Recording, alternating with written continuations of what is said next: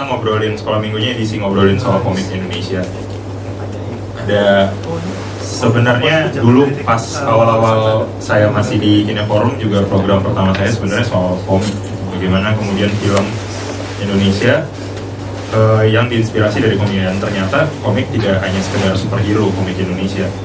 Jadi waktu itu film program film pertama saya itu dan kemudian di era tahun 2010 ke atas kali ya waktu itu jadi ada fenomena kemudian mau adaptasi komik kembali waktu itu belum belum yang saat ini ya belum Gundala yang saat ini masih disutradarai oleh sutradara lain dan kemudian ada Panji Tengkorak juga kemudian muncul berita bahwa akan diadaptasi. Nah tahun ini kemudian jadi akhirnya terrealisasi proyek Gundalanya dengan sutradaranya Joko Anwar akan rilis bulan ini. Semoga akhir bulan ya dan semoga ramai karena ya kalau ramai mungkin akan jadi banyak adaptasi komik ya yang kemudian akan muncul gitu. Nah, sekarang kita akan ngobrolin soal komik. Ada tiga cowok tampan di sini ya. Tampan terkendali gitu. Iya, yang ujung sana ada Jaka Adi kesayangan netizen Halo. Indonesia. Oh, set. Jaka bikin komik juga, baca komik juga. Nanti mungkin Jaka bisa share soal gimana sih komik hari ini sebenarnya gimana sih? Spesifik lah soal hari ini. Lebih terlebih soal komik Indonesia hari ini tuh gimana? Di tengah ada Oyas dari Bumi Langit yang kita tahu Bumi Langit akan meluncurkan casting castnya banyak karakter hari ini juga yang bisa berbarengan ya Waduh. Bumi Langit Universe. Jadi mungkin Bumi nanti OS bisa jelasin soal Bumi Langitnya dan kemudian bisa eh, ngejelasin soal jagat sinema ya bener ya jagat sinema Bumi Langit. Terakhir ada Bapak Hikmat Darmawan sudah berbicara komik sejak gondrong ya. Gondrong pendek, gondrong lagi. Oh iya, Pendek lagi. pendek lagi. Eh, akan ngobrolin soal sebenarnya ngobrolin soal eh, lebih sejarah komik Indonesia dan kemudian bagaimana kemudian relasinya dengan eh, film gitu. Jadi mungkin dari yang paling yang dulu Jaka coba mungkin kamu bercerita soal komik Indonesia hari ini. Eh, komik Indonesia hari ini ini menarik sih karena sebenarnya gue sendiri udah nggak ngomik Mat. Hmm. dalam dua tahun terakhir udah nggak bersentuhan langsung lah secara langsung ke komik Indonesia gitu. dulu gue ngerjain komik gue nulis gue nulis buat Manungsa sama Ervan terus gue ngedit juga H2 Reborn nulis bareng sama Sweta Kartika dan di luar itu gue mengerjakan banyak lettering untuk komik-komik kosmik sih. Tapi kosmik yang buat keluar waktu itu. Dan sampai sekarang pun yang paling recent adalah gue masih ngerjain komik buat ke Titans buat keluar.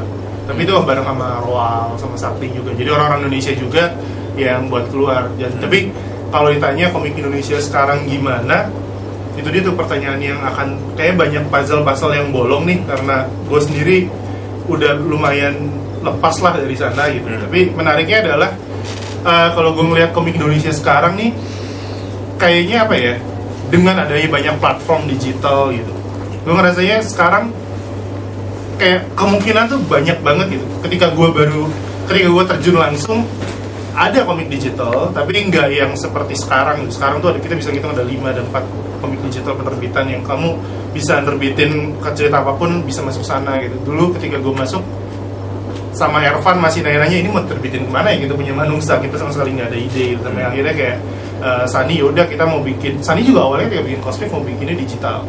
Tapi kita masih masih meraba-raba tuh gimana sih sampai akhirnya memutuskan untuk dicetak lagi. Hmm. jadi ketika dicetak itu pun juga kita jalan sekitar ya 2 tahun 17-18 chapter. Dan akhirnya ketika harus berhenti itu itulah momen kayak gue jadi gue agak menjauh dulu gue ngelihat yang lain dulu nih di saat yang bersama. Ketika gue berhenti gue diajakin sama Wana penulis sama Naristo Ginaestur untuk develop beberapa genre cerita lah di sana Hmm. dan dari sana gue ngerasa wah gue masih belum tahu apa apa soal penulisan nih soal cerita Hmm. itu itu itu momen di mana gue akhirnya memutuskan untuk kayak oke komik Indonesia nih lagi jalan banget tapi harus sisi gue juga pengen belajar dari ceritanya dan itu memutuskan kenapa gue agak mundur sedikit dari komik Indonesia gitu sih Tapi kalau lu lihat kancahnya sendiri gimana sih? Gue gue juga gak butuh sih, karena iya karena ya entah entah mungkin gua kurang ngulik beritanya atau beritanya memang nggak ada gitu sebenarnya gimana sih sebenarnya kan- kancah si komik Indonesia ini? Paling kan pas era lo masuk deh, atau dari se- se- dari era lo masuk gitu. Yang menarik bukan dari pas gue masuk sebenarnya. Hmm. Eh, pas gue mulai mengenal komik lebih tepatnya. Jadi ketika gue mau mengenal komik itu ya umur 5-4 tahun itu kayak di ujung-ujungnya Indonesia tuh punya namanya eh, Taman Bacaan. Tahun berapa tuh? Waduh, tahun 90-an awal banget. Hmm. Tapi udah mulai-mulai udah mulai abis tuh, udah Iya, mulai iya, abis iya. tuh. Tapi punya kenangan untuk ke sana dan nemuin komik Indonesia. Dan menariknya kan ketika tahun 80-an 90-an awal itu itu kita udah punya banyak banget era-era yang mewakilin komik Indonesia dalam artian oh kita punya superhero superhero ber- berganti menjadi romance romance berganti menjadi eh, komik pendekar komik silat dan ketika gua kecil gua ngelihat ke taman bacaan gua ngelihat bahwa nggak ada yang nggak mungkin ya anak kecil gitu. Nggak ada yang nggak mungkin bahwa cerita apa pun bisa jadi komik. Dan itu yang gue selalu bawa ketika gue pun mulai baca komik. Satu sisi gue ngerasa sedikit apa ya kayak oh kalau komik harus jadi genre romance kalau Indonesia gitu. Iya. atau harus jadi komedi sosial komentari strip gitu kalau mau sukses jadi ketika gue baca komik adalah ketika awal banget gue baca komik gue ngerasa bahwa nggak ada yang mustahil. Ketika gue mulai membuat komik gue merasa ada sedikit pintu ketutup dalam artian bahwa waduh long form storytelling di Indonesia serialized tuh bisa jalan nggak ya? Bisa sustain nggak ya? Hmm. genre fantasy science fiction tuh bisa jalan nggak ya? Hmm. Eh, cara penerbitan ada yang bisa sanggup tiga tahun nggak ya untuk ini? Gitu kayak ya, kayak gitu gitulah ada ada sedikit kegelisahan ketika gue mulai komik gue ngelihat gimana istilahnya gimana sosisnya dibuat kalau bahasa Inggrisnya itu banyak kayak yang oh ternyata nggak semudah ini. Ternyata dulu gue percaya kalau oh ka- karya yang bagus akan menemukan pembacanya tapi kalau komiknya nggak ada gimana komik karya gue menemukan pembacanya? Gitu. Jadi ada banyak pertentangan pertentangan pertentangan ketika gue mulai komik pun akhirnya memutuskan kayak wah banyak banget yang gue nggak tahu soal komik gitu. Karya yang bagus tuh belum tentu akan menemukan pembacanya gitu. Kita mesti ngomongin soal marketing kita mesti ngomongin branding gitu. Dan ini komik Indonesia sekarang gue senang banget ada Nauban. Nauban kayak semacam kayak apa sih? Kayak talent gitulah. Kayak talent bukan talent bukan cuma talent doang sih. Kayak semacam IP management branding management. Dia dia mengelola IP dia menemuin kayak kreator-kreator yang mau kerja bareng. Gimana sih kita nge-develop IP gitu. jadi nggak cuma mikirnya oh bikin komik gimana cara nulis komik gimana gambar komik dan kelar dan itu yang gue ngerasa sekarang harus banget diputar otak sih. Karena komik sekarang bersaingnya nggak cuma komik doang nih. Kita komik bersaingnya sama bahkan kita ngomongin soal film kita ngomongin soal OTT kita ngomongin soal ya luas banget gitu. Dan gue ngerasa sih sekarang di luar itu semua komik tuh menantang banget. Secara medium gue suka banget cinta banget sama komik. Di luar itu juga gue pengen banget belajar sama komik. Gue selalu nganggap diri gue adalah eh, muridnya komik lah gue selalu mau belajar dari komik. Geser ke Pak Hikmat, wah ini coba mungkin Ya. historiografinya gimana sih? Nah itu yang eh, minim biasanya dalam pembicaraan tentang budaya populer di nggak hanya di Indonesia sih di luar negeri juga ah, belakangan-belakangan aja apalagi komik kan kenapa penting eh, gue angkat gue anggap penting kenapa eh, historiografi ini karena eh, sebetulnya kan eh, ada banyak alasan ya tapi eh, apabila kita melihat eh, apa perkembangan komik di sebuah negara itu kan ada atau sebuah domain kayak misalnya eh, menganggap misalnya paling tidak ada tiga domain utama di dunia untuk komik dari segi industrinya, subkulturnya atau kulturnya gitu karena udah sedemikian besarnya sehingga susah dibilang subkultur juga gitu. Itu ada tiga domain, satu Jepang, dua Amerika, tapi Amerika tuh mirip dengan maksudnya ada ada ada cantelan erat dengan Inggris ya karena eh, format eh, apa storytelling dan eh, kegandrungan pada genre tertentu gitu itu mirip. Dan eh, faktanya ada British invasion juga kan apa kreator iya ke Amerika dari Inggris ke Amerika beberapa gelombang gitu. Nah eh, yang lainnya adalah Eropa tapi Eropa Barat yang biasanya adalah tiga negara itu Belanda Belgia dan Perancis itu klasik banget dari eh, setelah Perang Dunia Kedua sampai sekarang gitu ya nah eh, tiga domain itu kan eh, biasanya eh, apa ya punya ciri khas sendiri yang baru terbaca apabila kita melihat sejarahnya. Kenapa bisa terjadi demikian? Kenapa gaya Eropa kita bisa kenali sebagai gaya Eropa, gaya komik Jepang ya e, bisa kita kenali demikian. Bagaimana bisa tiba pada gaya itu dan kenapa dia menjadi dominan? Dan dalam konteks itu negara-negara lain punya uh, historinya sendiri dan penting untuk menyusun sebuah histori yang lengkap uh, untuk mem me menangkap apa itu komik sebuah negara atau sebuah domain gitu bukan untuk politik identitas bukan hmm. tapi lebih untuk melihat keragamannya dan kemudian bisa ada berdialog satu sama lain misalnya uh, hanya mungkin terjadi uh, apa uh, apa gaya kayak Humberto Ramos di Amerika apabila uh, pintu dialognya terbuka antara dia terpengaruh antara komik Jepang, komik Amerika sendiri digabung di dalam dirinya sama sensibilitas uh, tradisi komik Amerika Latin uh, di Amerika gitu ya. Jadi yang kayak gitu-gitu tuh kan bisa lebih mudah dikenali dan apabila lebih mudah dikenali dan kemudian dituliskan bisa lebih mudah memungkinkan terjadinya percakapan-percakapan antar gaya antar wacana antar uh, fakta antar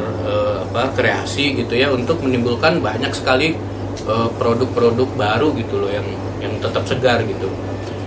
Uh, nah praktisnya adalah sederhana aja juga. Kalau di Indonesia siapa yang uh, pernah baca sejarah atau menulis sejarah komik Indonesia siapa orang kalau misalnya ngomong sejarah komik Indonesia pasti ngangkatnya adalah uh, Marcel Bonneff. Padahal kalau kita perhatikan Marcel Bonneff itu bukan karya sejarah dan dia bukan sejarawan dan juga bukan ahli komik. Bukan berarti dia nggak bisa bicara, tapi kita hmm. sering salah menempatkan. Uh, dia sangat ahli dalam amatannya, tapi dia mengamati sebagai seorang sosiolog. Jadi ini sebenarnya karya sosiologi. Dia sedang bicara tentang gejala sosial di Indonesia pada periode yang diamati yaitu 1968 sampai 1971 uh, dengan uh, memperlakukan komik sebagai dokumen sosial. Tentu di dalam penelitiannya ada aspek dia menyusun sejarah sebagai sejarah komik Indonesia sebagaimana ya sebagai groundnya kan, sebagaimana yang dia pahami pada saat itu. Itulah yang kemudian jadi sumber kita berulang-ulang dan sampai sekarang susah kita nyari apa yang uh, kita bisa sebut sebagai sejarah komik Indonesia. Ada beberapa yang misalnya uh, apa namanya Jair ini apa uh, Pak Jair almarhum dia bikin nggak kelihatan ya komik Indonesia. Ada masa ketika ketika apa tahun 2000-an ketika dia tidak punya akses lagi terhadap penerbitan dia menerbitkan sendiri banyak hal dengan metode fotokopian yeah. Iya. uh, jadi nggak kalah dengan ini ya seniman-seniman macam Wayasin ini yang mengawali dengan masa-masa DIY dulu ya yang tahun 90-an ke awal 2000-an terutama ya dengan uh, apa moda DIY do it yourself menggunakan moda produksi fotokopi ada semacam kemerdekaan di situ di dalam hal memproduksi uh, dan kemudian memilih estetika apa yang cocok buat saya gitu buat buat pengun, apa buat halayak yang langsung dikunjungi gitu Pak Jair pada saat itu setelah hidup sebagai legend waktu itu living legend tapi akses terhadap penerbitan nggak banyak ya dia. Dia tidak itu tidak menghentikan uh, apa hasrat dia untuk me, mengucap ya melahirkan sesuatu. Dan dia bikin pada periode itu produk-produk dengan tangannya. Jadi dia bikin banyak buku majalah dan segala macam dengan tangan. Jadi ada dia beberapa majalah dia dia bikin dengan difotokopi dan yang ini adalah uh, tentang komik Indonesia jilid satu.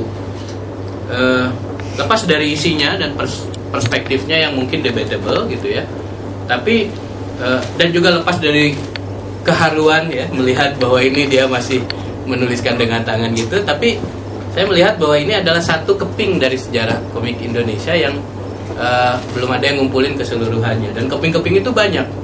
Uh, edisi kalau nggak salah tiga ya tapi dia juga nulis yang lain-lain ya kayak dia tuh seneng banget sama sainsnya ya yes, ya yeah. science tapi sainsnya sebetulnya boleh dibilang ya dia nyebutnya meta meta science tapi pseudo science sih. McCloud nah, McCloud gitu ya? Enggak, enggak, enggak oh, sampai ke situ. Dia lebih ke filosofinya menurut dia. Pokoknya menurut dia yakin banget kan filosofi Pancasila bisa diterjemahkan uh, sampai ke mana pun, ke apa pun, termasuk ke komik dan filosofi Pancasila, filsafat Pancasila itu melebihi canggihnya dari fisika kuantum. Wah gitu kayak gitu gitu. Ya tapi seneng deh karena eh, kalau di dalam dirinya utuh ya dunianya jadi semua Iya. lengkap gitu kok eh, apa.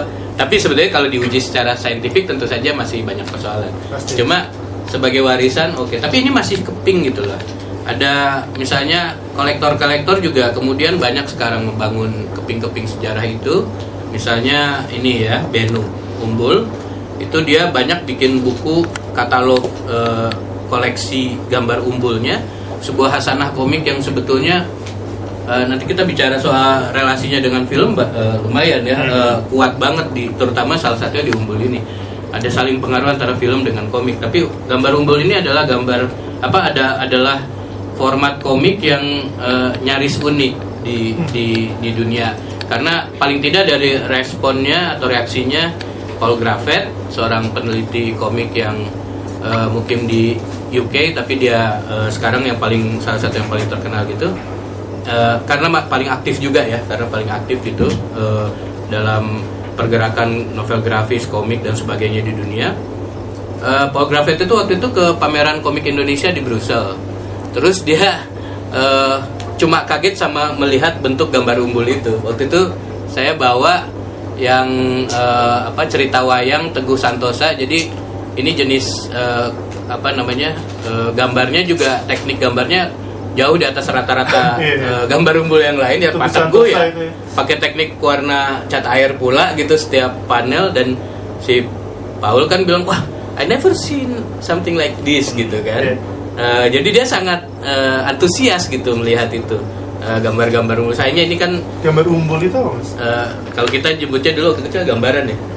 Jadi Strip di dalam satu lembar aja. satu Oh, lembar iya. ada 36 ada 24 panel gitu ya. Ada tergantung Dan dia jenisnya. menggunakan satu satu halaman. satu halaman biasanya kita menggunakannya waktu kecil digunting-gunting ya sayangnya Oh, iya. jadi soalnya banyak juga gambar umbul itu tidak berupa sekuensial kan. Dia ngenalin tokoh gitu misalnya tokoh superhero dikumpulin tokoh jin di Indonesia gitu kan ada gitu kan wayang gitu kan satu. Tapi ada yang banyak yang cerita. Jadi lucu juga kita dulu menggunting-gunting dan melemparnya Oh, yang iya, iya, iya. menghadap ke atas itulah yang menang. Silly banget tuh bang ini tapi sebagai art eh, art format gitu ya visual art format ini eh, nyaris unik ya kalau di dalam dunia komik nah dia juga kemudian di depan eh, di bagian awalnya juga men- menuliskan sejarahnya sendiri. Lalu eh, ada beberapa ya surprising. Nah kalau soal kolektor nih macam mas eh, apa Henry Henry Ismono dia belakangan ini banyak. Eh, dulu dia for, eh, apa eh, forumnya itu adalah digital ya. Jadi dia banyak menuliskan sharing tapi kemudian henryismono.com itu di eh, apa di eh, ditiadakan dia memilih untuk memampatkan pengetahuannya dan sharing dalam bentuk buku saya menyambut gembira sekaligus eh, ya ada pros and cons-nya dengan pilihan dia begitu karena kemudian informasinya jadi terbatas juga gitu untuk untuk komik. Nah, di tengah semua itu kenapa kiranya sejarah itu sejarah komik Indonesia susah ditulis? Bukan hanya soal data rupanya, tapi juga masalah historiografinya, Eh, penyumberan sejarahnya. Jadi sejarah itu kan eh, ada macam-macam ya. Ada sejarah yang sifatnya kalau kata Pak Taufik Abdullah itu ada tiga jenis sejarah. Ada sejarah yang eh, sifatnya itu ideologis. Jadi dia untuk eh, apa menanamkan misalnya nasionalisme gitu. Nah, tentu saja kita bisa eh, menduga bahwa sejarah ideologis demikian urusan fakta di bawah ideologi kan. Jadi Hmm. tergantung ideologi si penulisnya. Iya. Nah, lalu ada sejarah yang untuk mewariskan nilai-nilai, macam misalnya eh, kenangan akan peristiwa masa revolusi kemerdekaan yang ditulis oleh Jenderal Abdul Ha- Purnawirawan Abdul Haris Nasution, Ahad Nasution. Ada 11 jilid tebel-tebel. Tapi itu jenisnya juga nyaris mirip dengan ideologi, tapi dia lebih pada bahwa sejarah semua itu hikmahnya begini gitu. gitu kan. Nah, lagi-lagi eh, faktanya tidak terlalu eh, di apa ya dipentingkan lah, tidak terlalu diutamakan karena yang utama adalah hikmahnya. Jadi kalau dulu di dalam pengajian itu namanya siroh Nabi misalnya, C itu ya. Itu sejarah Nabi bukan? Hmm. oh sirah Nabi itu yang penting hikmahnya ditulis misalnya ada sirah Nabi jilid 1, 2, 3 untuk bahan pengajaran tarbiyah di sekolah-sekolah eh, umum SMA 3, SMA 8 wajib baca yang nerbitin Pustaka Robani nah itu apa namanya eh, yang nulis Said Ramadan Al-Buti gitu kan. Isinya bagaimana gerakan Islam dibangun menurut Rasulullah menurut penulisnya. Gitu kan? Jadi kan? Ya jadi kan? Menurut dia itu menurut Rasulullah. Iya, tapi iya. itu kan penulisnya menafsir. Karena ada sejarah lain. Nah itu yang kata kata eh, apa namanya eh, Taufik Abdullah Pak Taufik Abdullah sejarah akademik yang urusannya lebih pada fakta. Bagaimana cerita disusun untuk satu apa ya eh, dia sampai ke kita sebagai eh, kronologi kejadian atau eh, catatan kejadian-kejadian yang diharapkan itulah yang terjadi di. Jadi ada dua unsur kan, bagaimana sejarah dituliskan artinya bagaimana dia diceritakan. Kedua, apakah sejarah itu eh, menggambarkan apa yang terjadi sesungguhnya pada saat itu. Nah itu tantangan yang terbesar kan. Apakah yang terjadi sesungguhnya pada saat itu? Apa yang terjadi sesungguhnya pada saat era Kosasi berhasil eh, popula- memopularkan format buku komik pada tahun 1954 bersama John Lowe dengan penerbit Melody. Apakah benar dia? Nah, itulah yang yang apa? Apakah benar dia bapak komik Indonesia misalnya? Iya. Benarkah komik Indonesia lahir pada tahun 1930? Ataukah ada cara lain membaca? Nah, itulah yang kemudian sangat ditentukan oleh historiografinya, penyumberan sejarahnya. Bagaimana sejarahnya dituliskan. Jadi bukan hanya bagaimana sejarahnya diceritakan. Soalnya ada satu lagi jenis sejarah yang kalau kalau kalau gue nambahin gitu ya dari dari apa ungkapannya Pak Taufik itu adalah sejarah jurnalistik. Jadi dia antara akademik tapi juga rada-rada nyaris kayak ideologis juga kadang-kadang gitu. Jadi nah Yes, menurut menurut gue ini ini apalagi latar belakangnya kan jurnalistik ya Pak Mas Henry ini. Ini salah satu yang jurnalistik gitu. Tapi juga dia ada pewarisan nilai karena karena dia eh, punya pemujaan tertentu terhadap eh, misalnya komikus tertentu gitu ya. Dan Hmm. sebagai kolektor dia punya pemujaan tertentu pada karya-karya tertentu. Misalnya buat dia yang hebat ini ini ini ini karena begini begini begini. Dan istilah hebat karena eh, dia adalah pejuang kemanusiaan gitu. Terus dia terjemahkan. Tapi itu berangkatnya dari kolektor. Dari sebagai posisi kolektor yang jurnalis. Nah apakah saya memuja atau menganggap satu-satunya yang benar adalah eh, sejarah eh, akademik Enggak juga sih, enggak juga. Tapi kita perlu tahu apa yang terjadi sesungguhnya kan, gitu kan. Sehingga kita punya eh, apa pegangan dan kesinambungan. Apakah itu berarti kita harus terjebak pada masa lalu? Enggak juga, enggak juga. Tapi pengalaman adalah kalau pengalaman saya di berbagai bidang yang saya amati, entah kesenian atau sosial, bidang sosial, kalau kita kalau kita tidak menyertakan sejarah di dalam variabel pemikiran kita terhadap situasi sekarang, kita bound to eh, apa ya? Kita akan eh, cenderung mengulang kesalahan yang sama. Jadi mulai dari nol lagi, dari nol lagi gitu. Saya agenda kebangkitan komik Indonesia gitu. Iya. Kita berapa tahun ya dari 90-an selalu ada tanda-tanda kebangkitan Indonesia.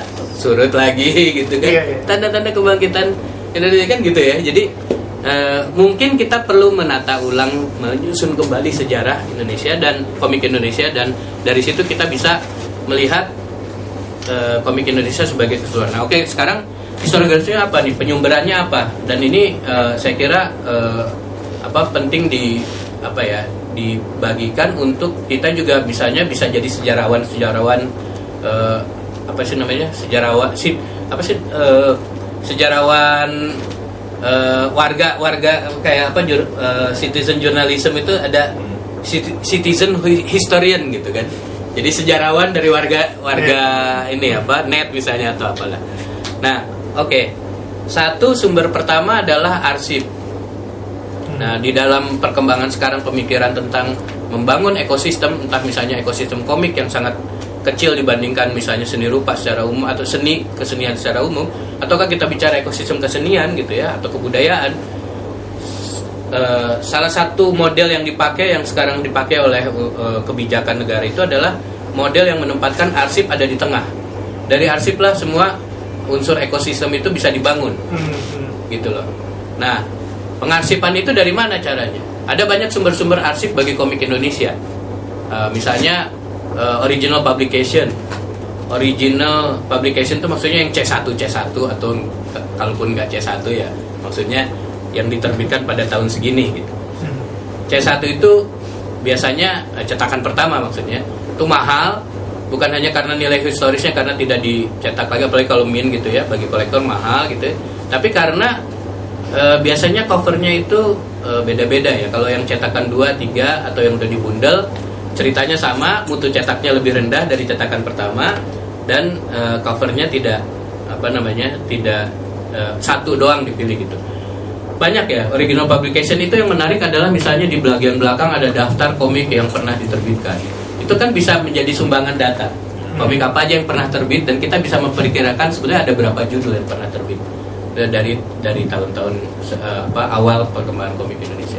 Lalu arsip media massa karena pada tahun 1920-an sampai eh, sebetulnya sih sampai sampai sekarang juga ada kaitan tapi kan sekarang senjakala media cetak. Tapi terutama sampai tahun eh, 50-an 60-an posisi media massa itu penting 70-an juga kuat sih sebetulnya. Malah beragam gitu ya. Tapi bentuknya majalah.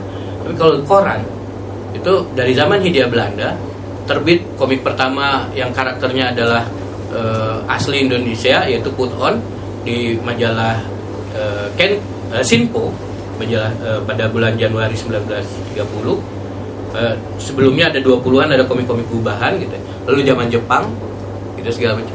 Eh, Putri Hijau mencari Putri Hijau misalnya tahun 1940 berapa. Lalu ada eh, eh, apa komik-komik kayak eh, apa kisah pendudukan Jogja segala itu masih lekat dengan perkembangan media massa belum dalam bentuk buku. Walaupun sudah mulai ada yang dibukukan. Sehingga penting sekali me- mencari eh, arsip-arsip itu di mana tapi Iya. Salah satunya Perpustakaan Nasional. Salah lainnya adalah Sinematek. Kalau di Jakarta ya. Salah lainnya lagi adalah kolektor. Nah, sebagai gambaran adalah misalnya kita masuk ke arsip. Misalnya di sini juga ada arsip ya, gedung arsip. Nah, itu dalam bentuk microfilm. film. Kita lihat kalau orang biasanya nyari berita politik, berita apa segala macam. Kali ini kita coba perhatikan ada komik apa, ada kartun apa. Kita lihat gitu kan, kita lihat gitu. Bisa di eh, ambil datanya dalam artian di, di scan. Tapi yang menarik adalah eh, salah satu ada dua hal yang pengen saya share. Problemnya adalah kan kita nggak terbiasa mengarsip. Kalaupun ada arsip, arsipnya eh, sering kali eh, rusak gitu. Misalnya ada beberapa kejadian arsip nih. Satu, ada kolektor ada kolektor dan preset yang melaporkan bahwa edisi Sinpo 3 nomor pertama yang memuat eh, edisi Sinpo yang memuat tiga nomor pertama eh, komik Put On di Perpustakaan Nasional bolong pas bagian komiknya. Waduh. Ada yang gunting kok. Iya makanya. Ada yang gunting. entah kolektor atau entah orang iseng atau atau kolektor yang iseng, Kolektor pokoknya iseng. vandal. atau ya mungkin kan wah gila bisa di apa dijual gitu whatever. Hilang tiga. Di mana kita nyari? Belum tahu saya. Belum sekarang kebayang. belum ketemu. Belum kebayang. Tapi sudah ada yang misalnya mengkopinya. Jadi harapannya kemudian adalah pada kolektor. Di Jogja ada kolektor kayak misalnya eh, kan pernah ada pameran eh, put on di Bentara Jogja. Itu eh, kuratornya namanya Mas Hermanu. Dia itu punya dia kolektor dan dia punya kawan-kawan kolektor. Tapi yang banyak dia punya itu adalah edisi put on di put on ini kan dari tahun 30 sampai 1981 terbit Hmm. dia menjadi saksi naik turunnya narasi Iya, iya. kebangsaan kita gitu loh. Dan memang dia menangkap gitu ya. Eh, apa apa yang terjadi dalam ap- di Jakarta gitu. Coba eh, ya jadinya nanya kan gitu kan. Belum belum sa- sampai saat ini belum dapat jawaban definitif. Oke. ada beberapa kolektor yang bukan hanya kolektor komik. Jadi kalau Mas Hermanu di Jogja itu temannya adalah kolektor bisa jadi kolektor seni rupa Misalnya ada Mike eh, Susanto, Mhm. seorang kurator dan penulis eh, apa itu tinggal di Jogja. Wah ternyata tumpukan saya di saya ke rumahnya, tumpukan arsip-arsip clippingan majalah-majalah lawas, koran-koran lawas yang berhubungan dengan seni rupa banyak.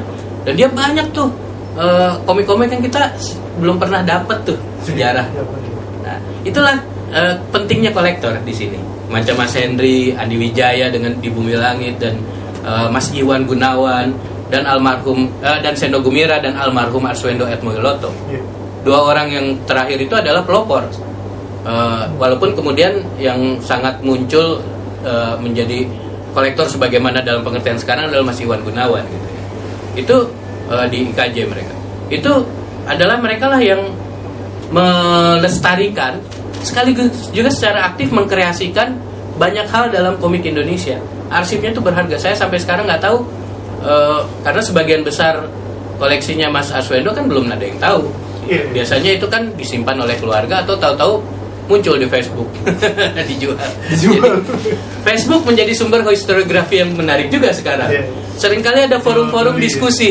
Bukan hanya dijual, saya dapat ya dijual. Tapi bukan hanya itu, diskusi-diskusi para kolektor di situ menarik banget Oke. gitu kan saya misalnya melontarkan ini wah dikoreksi dan saya seneng ada koreksi-koreksi kayak gitu misalnya "Oh, itu bukan jan lah itu namanya aja jan dipinjam bukan jan Oh. minta raga gitu kan Ya. garisnya dong lihat gitu kalau saya sih masih bisa bisa menyanggah bisa berargumen masih kadang-kadang saya juga langsung oh iya betul gitu kan makasih gitu atau ada hal yang sama sekali blank saya nggak tahu orang nggak tahu dia kebetulan seneng mengkoleksi komik wayang di majalah Jawa periode tahun eh, 60-an, 50-an, 60-an, 70-an. Siapa yang tahu? gitu. Kadang-kadang dapat tuh.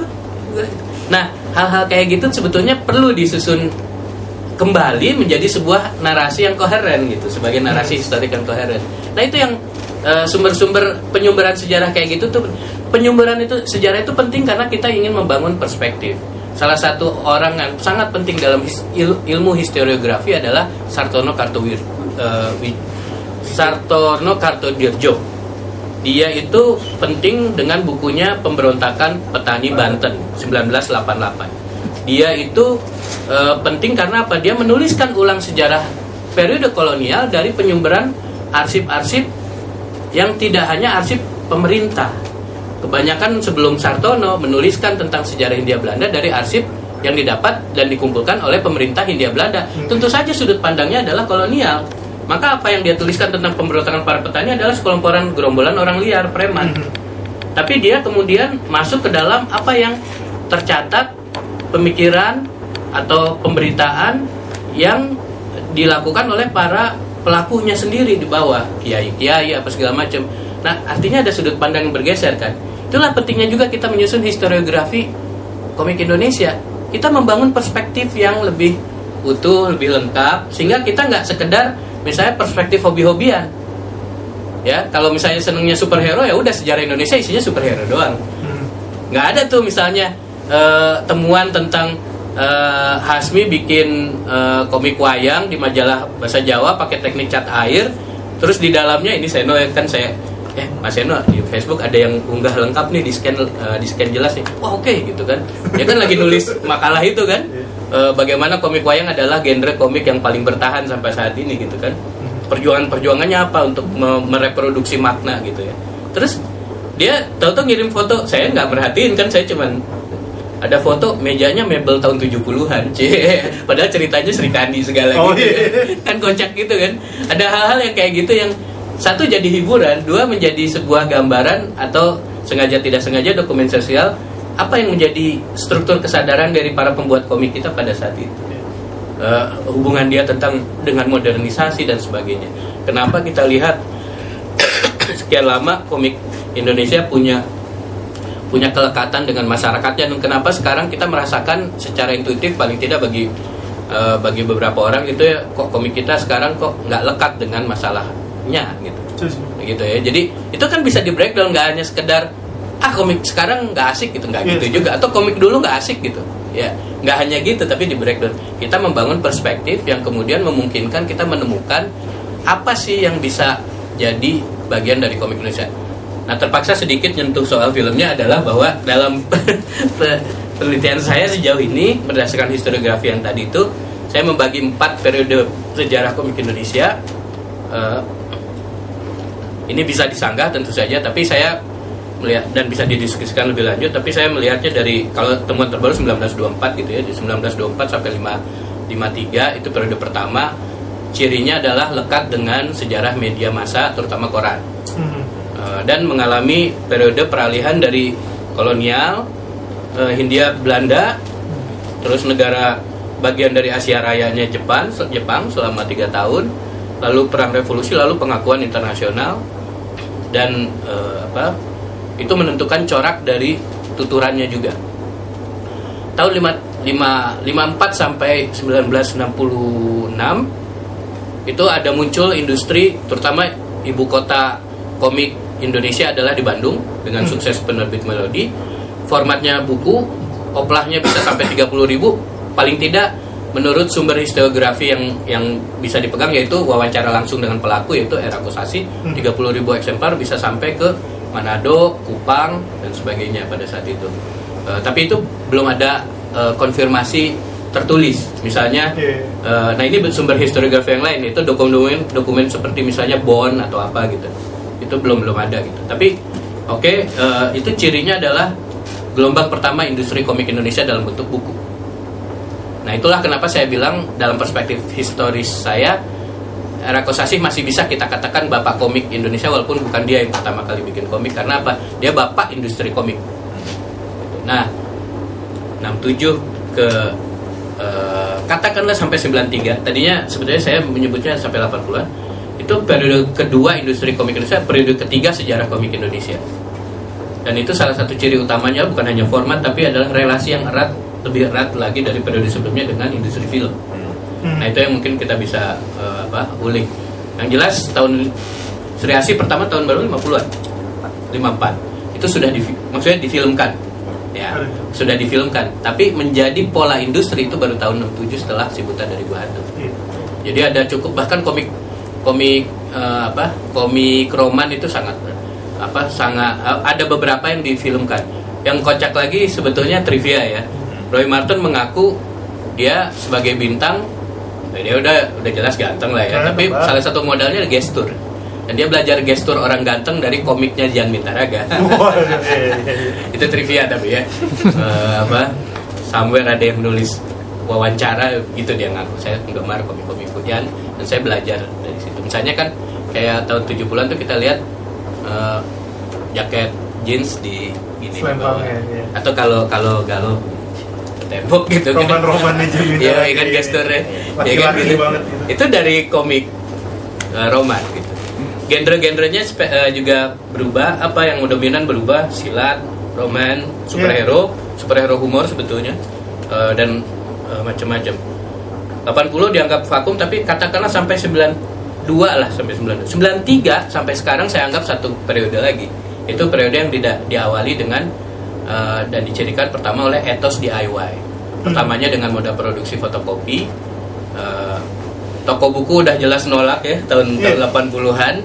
Jadi itu yang pangkal kemunduran ah, apa karena dari dari apa namanya da, apa sih namanya taman bacaan sampai ke ke toko itu terhenti gitu kan. Tapi eh, tahun 93 ya udah what the hell dengan distribusi infrastruktur distribusi buku yang ada yang menolak komik. Kita bikin jalur sendiri, fotokopian, bikin jejaring komunitas, bikin pekan-pekan-pekan komik dan banyak dari alumni itu sekarang salah satunya beliau itu main di industri sekarang ketika for, corak industrinya sudah berubah Iya. Eh, menjadi lebih eh, kemudian setelah fotokopi ada moda produksi digital. Baik digital making ya bikinnya pakai digital ya ini kayak Scott McCloud bilang di eh, apa Reinventing. komik ya. Ada distribution kan? Hmm. ada ada digital eh, readingnya ya. Apa maksudnya? Tayangnya itu pakai eh, format digital. Dan digital tuh bisa dibagi dua juga kan? Ada digital dalam pengertian eh, apa eh, sendiri ya di di komputer kita gitu ada juga yang interaktif maksudnya lewat internet gitu kan saya ada linknya diklik diklik diklik Clock bikin itu sebelum internet boom. exactly ya tahun 99 tahun 2000-an kan waktu masih baru gitu Iya. Eh, tapi dia menahirkan generasi komikus digital yang oke ya pada saat itu dengan dengan situsnya. Eh, sekarang sebetulnya juga ada augmented reality dan sebagainya. Ada video mapping, banyak sekali peluang naratif yang terbuka. Tapi kalau minimal di Indonesia pelaku pelakunya tuh masih ada di dalam eh, apa ya eh, se- eh, sejarah sejarah eh, 93 itu gitu semangat DIY semangat apa walaupun aspirasinya banyak yang DIY itu beberapa kota eh, atau beberapa kelompok yang pengennya jadi mainstream juga gitu.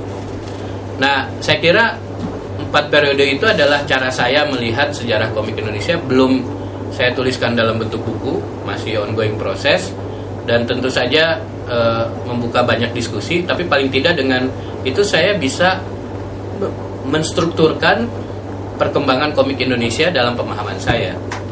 Jadi ya moga-moga tidak lagi sekedar keping-keping atau kalaupun yang saya punya hanya keping-keping, strukturnya dibenerin dulu deh. Iya. Jadi ada pilihan untuk membaca ya begini kira-kira perjalanan komik Indonesia bukan hanya berdasarkan kenangan atau temuan-temuan sekeping-sekeping saja gitu. Jadi gitu ya. Sip, sip, sip. Rik, Rik, Rik, minum, Rik. Wah, dari tadi udah kasih kode nggak? Udah batuk-batuk. udah kasih kode tangan, lirak-lirik, melotot juga kagak. Gue Nanti disimpan dulu pertanyaannya ya. Kita ke OS nih dari Bumi Langit. Mungkin bisa dijelasin dulu Bumi Langit itu apa sih? langsung di Nyala nyala. lang eh, ya berarti langsung dari titik bumi langit aja Iya. oke jadi bumi langit itu waktu itu berdiri 2003 jadi sebetulnya udah cukup lama ya 10 tahun lebih tapi fokus kita waktu itu adalah restorasi sebetulnya jadi seperti yang Hikmat bilang jadi pengarsipan sebetulnya. Jadi memang lahirnya dari kolektor. Terus kolektor itu ya merasa bahwa ini masternya harus eh, ada yang yang secara kualitas ininya bisa ber- eh, dipertahankan lah ya. Jadi karena banyak buku yang memang secara fisik sudah cacat jadi kita harus punya lagi restorasi lagi. Nah jadi 10 tahun pertama kita fokusnya sih masih di situ ya Erwin yang sampai sekarang tetap melakukan itu dan belum ada Pengganti. ini, Penerusnya. ini bahaya sebetulnya. Iya, iya, jadi dia di only sekarang ini. Kita perlu ada lagi sebetulnya Yang mengarsipkan semua. jadi ulang semua komik itu. istilahnya kalau Mas Erwin tuh ngilangin komedo sama ketombe Iya, iya, iya, iya, iya. putih-putihnya sama hitam-hitamnya. Jadi semua jadi eh, koleksi-koleksi yang ada waktu itu, eh, memang koleksi pribadinya Adi Wijaya juga tapi ada juga sih yang pinjam dari misalnya Pak Henry atau Itu diusir ulang semua. Waktu itu masih zaman 300 dpi Jadi, sekarang yang 300 dpi itu direstorasi ulang lagi jadi 600 supaya pokok- pokok. Soalnya kalau dulu komputernya belum kuat. Iya. untuk 300 saja udah mas-masan. Sekarang udah bisa teknologinya. Jadi sudah di dua kali di remaster. Itu 10 tahun pertama gitu. Bagaimana menghidupinya? Itu kan ada ongkosnya juga ya. Ongkosnya ada ya ya itu dicetak ulang edisi terbatas dan eksklusif. Jadi mewah lah. Hanya dengan cara itu kita bisa membiayai eh, proses pengarsipan tadi eh, proses restorasi tadi remaster. Dijual harganya bisa 500.000 ribu satu buku tebal gitu. Tapi dengan itu masih bisa putar, putar terus.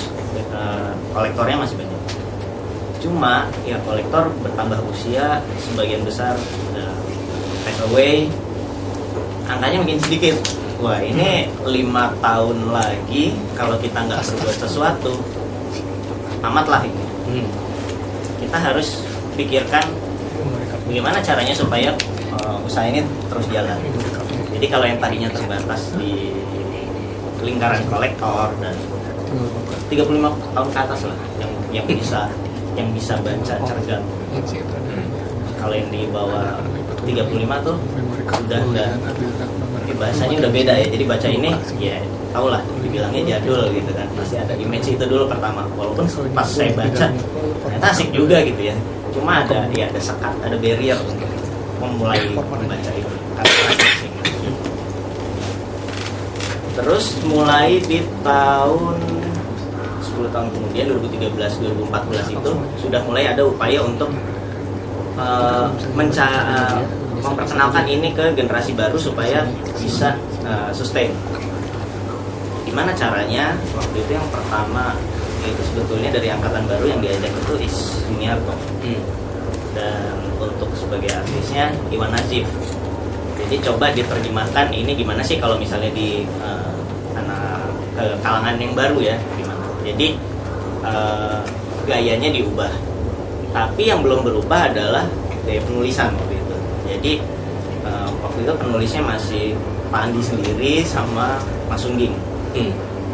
Jadi kita coba eh, ke Kompas ya bisa diterima oleh angkatannya sih disambut dengan baik ya tapi sekali lagi itu tidak meluas begitu gayanya diganti pun eh, nambah tapi nambahnya nggak signifikan jadi rupanya bukan bukan sekedar visual harus ada sesuatu yang lain. Hmm. gambarnya udah baru tapi kayak penceritaannya masih sama eh, pace-nya dan lain-lain. Belum. Akhirnya waktu diskusi-diskusi saya kebetulan waktu mana ketemu Pak Andi terus ngobrol-ngobrol ya akhirnya oke lah yuk kita ngobrol bareng kita coba.